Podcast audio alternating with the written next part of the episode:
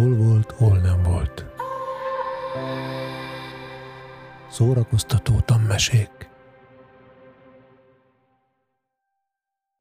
A boldogság titka Sok-sok évvel ezelőtt élt Indiában egy bölcs, aki azt mondta, nagy titkot őriz egy vasládikában, ami az élet minden területén sikeressé teszi, és ezért a világ legboldogabb emberének tartja magát. Sok irigy király ajánlott neki hatalmat és pénzt, meg is próbálták ellopni a ládikát, de hiába.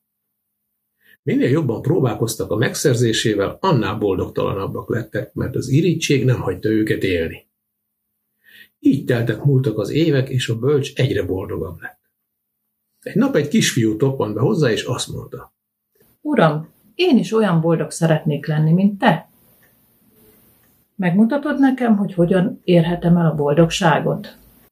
A bölcs a gyermek tisztaságát és egyszerűségét látva így szólt. Neked megmutatom a boldoggá válás titkát, gyere velem, és nagyon figyelj.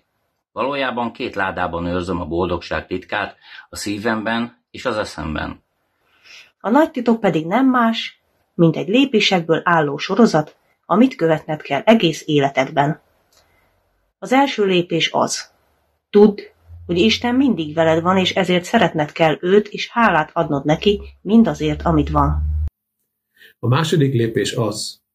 Szeretned kell önmagad, és minden lefekvéskor és felkeléskor ki kell jelentened. Én fontos vagyok, képes vagyok, értékes vagyok, okos vagyok, kedves vagyok. Sokat várok magamtól. Nincs olyan akadály, amit le ne tudnék győzni. Ezt hívják magas önbecsülésnek. A harmadik lépés ez. A gyakorlatban is megvalósítod, amit magadról állítasz. Vagyis, ha azt gondolod okos vagy, cselekedj okosan.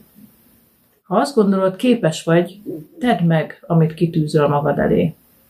Ha azt gondolod nincs akadály, amit ne tudnál legyőzni, akkor tűzzél ki célokat, és valósítsd meg őket. Ezt hívják motivációnak.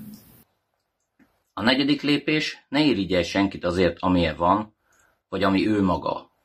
Ők elérték a céljukat, te érd el a sajátjaidat. Ötödik lépés. Ne őriz a szívedben haragot senki iránt, mert ez az érzés nem engedi, hogy boldog légy. Hagyd, hogy Isten törvényei tegyenek igazságot, de bocsáss meg és felejts. A hatodik lépés. Ne vedd el azt, ami nem a tiéd. Mert a természet törvényei szerint, ha valakitől elvesznek valamit, akkor holnap elvesznek tőled valami értékesebbet annál, amit te elvettél. Fizesd ki mindig a tartozásaidat, és add vissza, ami nem a tiéd. Kérd bocsánatot, ha hibáztál, vagy megbántottál valakit. Így biztosítod a békédet. Hetedik lépés. Ne bánj rosszul senkivel. A világ minden élőlényének joga van, hogy szeressék és tiszteljék. Nyolcadik lépés. Mindig mosolyogva kelj fel, fedez fel a szépséget és a jót a téged körülvevő dolgokban. Gondolj bele, milyen szerencsés vagy, amiért annyi mindened van. Segíts a többieknek, anélkül, hogy arra gondolnád, hogy semmit sem kapsz cserébe. Figyeld meg az embereket, és fedez fel bennük a jó tulajdonságaikat. Add át nekik is a titkot, amit tőlem hallottál, hogy ők is boldogak legyenek. Az vagy, ahogy gondolkodsz. Ha többet akarsz az élettől, gondolkozz máshogy.